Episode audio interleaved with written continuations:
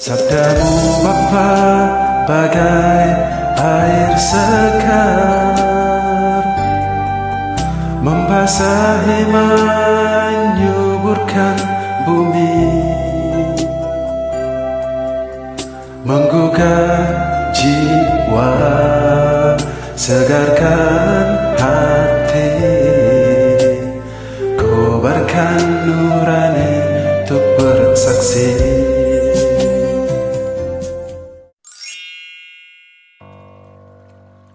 Sekali peristiwa, Yesus berangkat ke seberang danau Galilea, yaitu Danau Tiberias. Orang banyak berbondong-bondong mengikuti dia karena mereka melihat mukjizat-mukjizat penyembuhan yang diadakannya terhadap orang-orang sakit. Yesus naik ke atas gunung dan duduk di situ dengan murid-muridnya. Ketika itu Paskah, hari raya orang Yahudi sudah dekat. Ketika Yesus memandang sekelilingnya dan melihat bahwa orang banyak berbondong-bondong datang kepadanya, berkatalah ia kepada Filipus, "Di manakah kita akan membeli roti supaya mereka itu dapat makan?" Hal itu dikatakannya untuk mencobai Filipus sebab ia sendiri tahu apa yang hendak dilakukannya. Jawab Filipus kepadanya, Roti seharga 200 dinar tidak akan cukup untuk mereka ini, sekalipun masing-masing mendapat sepotong kecil saja. Seorang dari murid-muridnya yaitu Andreas, saudara Simon Petrus berkata kepada Yesus, Di sini ada seorang anak yang mempunyai lima roti jelai dan dua ikan. Tetapi apakah artinya untuk orang sebanyak ini? Kata Yesus, Suruhlah orang-orang itu duduk. Adapun di tempat itu banyak rumput, maka duduklah orang-orang itu kira-kira lima ribu laki-laki banyaknya. Lalu Yesus mengambil roti itu, mengucap syukur dan membagi-bagikannya kepada mereka yang duduk di situ. Demikian juga dibuatnya dengan ikan-ikan itu sebanyak yang mereka kehendaki.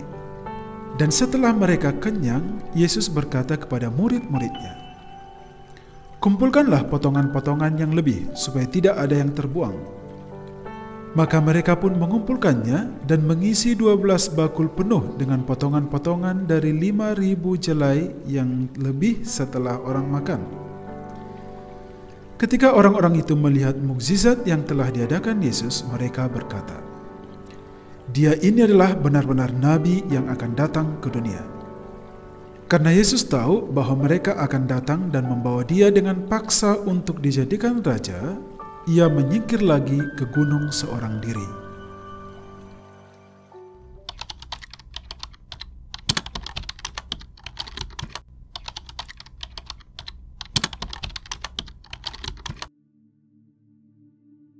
Sahabat Santo Paulus, dalam Injil yang saya bacakan tadi dikisahkan bahwa Yesus menggandakan roti untuk diberikan kepada orang-orang yang kelaparan Kisah ini adalah salah satu mukjizat yang paling keren yang pernah dilakukan oleh Yesus.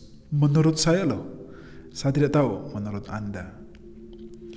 Kisahnya berawal dari ribuan orang datang menemui Yesus untuk mendengarkan pengajarannya. Jumlah mereka sekitar 5.000 orang laki-laki, perempuan dan anak-anak tidak dihitung. Itu berarti jumlah mereka itu lebih dari 5.000 orang mereka datang dari jauh karena saat itu mereka sedang kelaparan hal-hal yang rohani. Mereka percaya bahwa mereka akan mendapatkan kekenyangan rohani itu dari Yesus, dan memang itu terbukti sebab setiap kali mereka mendengarkan pengajaran Yesus, mereka menjadi kenyang. Nah, awalnya orang-orang itu kelaparan akan hal-hal rohani saja, tapi akhirnya mereka kelaparan juga terhadap hal-hal jasmani Sebab saat mereka datang mendengarkan pengajaran Yesus, mereka tidak memikirkan mengenai makanan jasmani mereka, sehingga mereka tidak membawa bekal dalam perjalanan. Mereka tidak berpikir bahwa di gunung tempat Yesus mengajar mereka, mereka tidak bisa mendapatkan roti. Singkatnya, mereka kelaparan karena mereka tidak membawa atau tidak mempunyai roti. Yesus tahu apa yang mereka alami saat itu sehingga Yesus bertindak. Dikatakan bahwa Yesus mengadakan mukjizat dengan mengandalkan roti dan ikan. Sehingga ribuan orang yang kelaparan itu akhirnya menjadi kenyang. Saat itu mereka tidak hanya kenyang secara rohani saja, tetapi kenyang juga secara jasmani. Jadi berkat yang mereka dapatkan waktu itu double. Luar biasa kan? Sahabat Santo Paulus, apa yang bisa kita renungkan dari kisah mukjizat penggandaan roti ini? Sebenarnya banyak yang bisa kita renungkan, tetapi saya mau memberikan satu saja yang patut kita renungkan, yaitu kemauan manusia untuk berbagi dengan sesamanya yang kelaparan. Mengapa saya katakan begitu? Karena ternyata lewat kemauan seorang anak kecil untuk berbagilah, maka mukjizat penggandaan roti itu terjadi. Di mana saat ribuan orang lapar, ada seorang anak dengan keluguannya mengeluarkan lima roti dan dua ikan yang dia miliki. Dia tidak mau makan sendirian roti dan ikan yang dia miliki itu. Tetapi dia memberikannya kepada salah satu murid Yesus yaitu Andreas. Lalu Andreas memberitahukannya kepada Yesus. Wow, hebat ya. Coba Anda bayangkan, seorang anak kecil peduli terhadap kelaparan orang-orang dewasa. Wow, ini luar biasa. Bisa dikatakan bahwa Anak kecil itulah yang menjadi sumber berkat bagi ribuan orang pada waktu itu sebab kemauan dia memberikan roti dan ikannya kepada Yesus lalu Yesus menggandakannya maka semua orang yang kelaparan itu menjadi kenyang bahkan roti mereka tersisa 12 bakul. Sahabat Santo Paulus, sikap anak kecil dalam Injil tadi bisa menjadi pelajaran bagi kita agar kita mau atau rela berbagi dengan orang lain. Keberadaan figur anak kecil itu menjadi cara Yesus untuk menyadarkan kita semua. Dari figur anak kecil ini, Yesus mau menantang kita untuk memahami bahwa anak kecil saja mau membagikan apa yang dia miliki kepada orang lain. Masa orang dewasa tidak bisa? Gak malu sama anak kecil, gitu loh. Karena zaman sekarang ini, ada begitu banyak orang yang kelaparan, sementara itu banyak juga orang yang kekenyangan. Bahkan lebih tragisnya lagi adalah banyak orang kenyang menutup mata terhadap orang yang lapar. Banyak orang kekenyangan di atas penderitaan orang yang kelaparan. Nah, bagaimana dengan kita?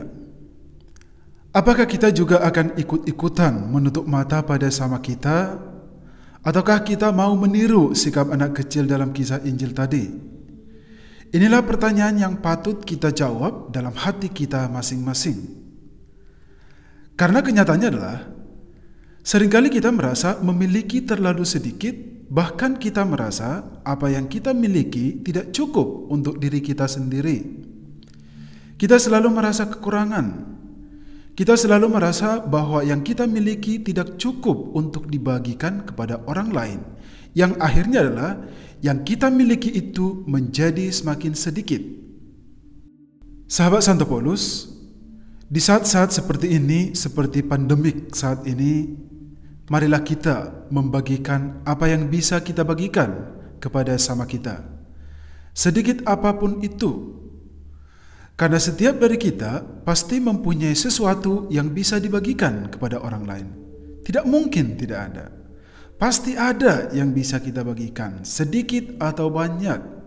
Yang penting adalah kemauan. Mau apa enggak, gitu loh.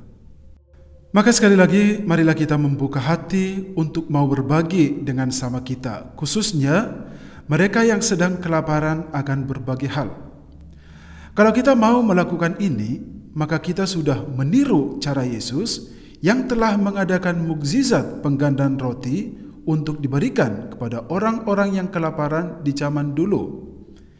Jadi, ketika kita mau berbagi berbagi makanan, berbagi roti dengan sama kita, itu berarti kita sudah mengulangi penggandaan roti yang dilakukan oleh Yesus di zaman dahulu.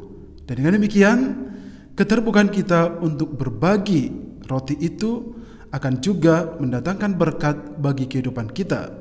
Berkat bagi kehidupan kita saat ini dan juga berkat bagi jiwa kita di masa yang akan datang. Amin.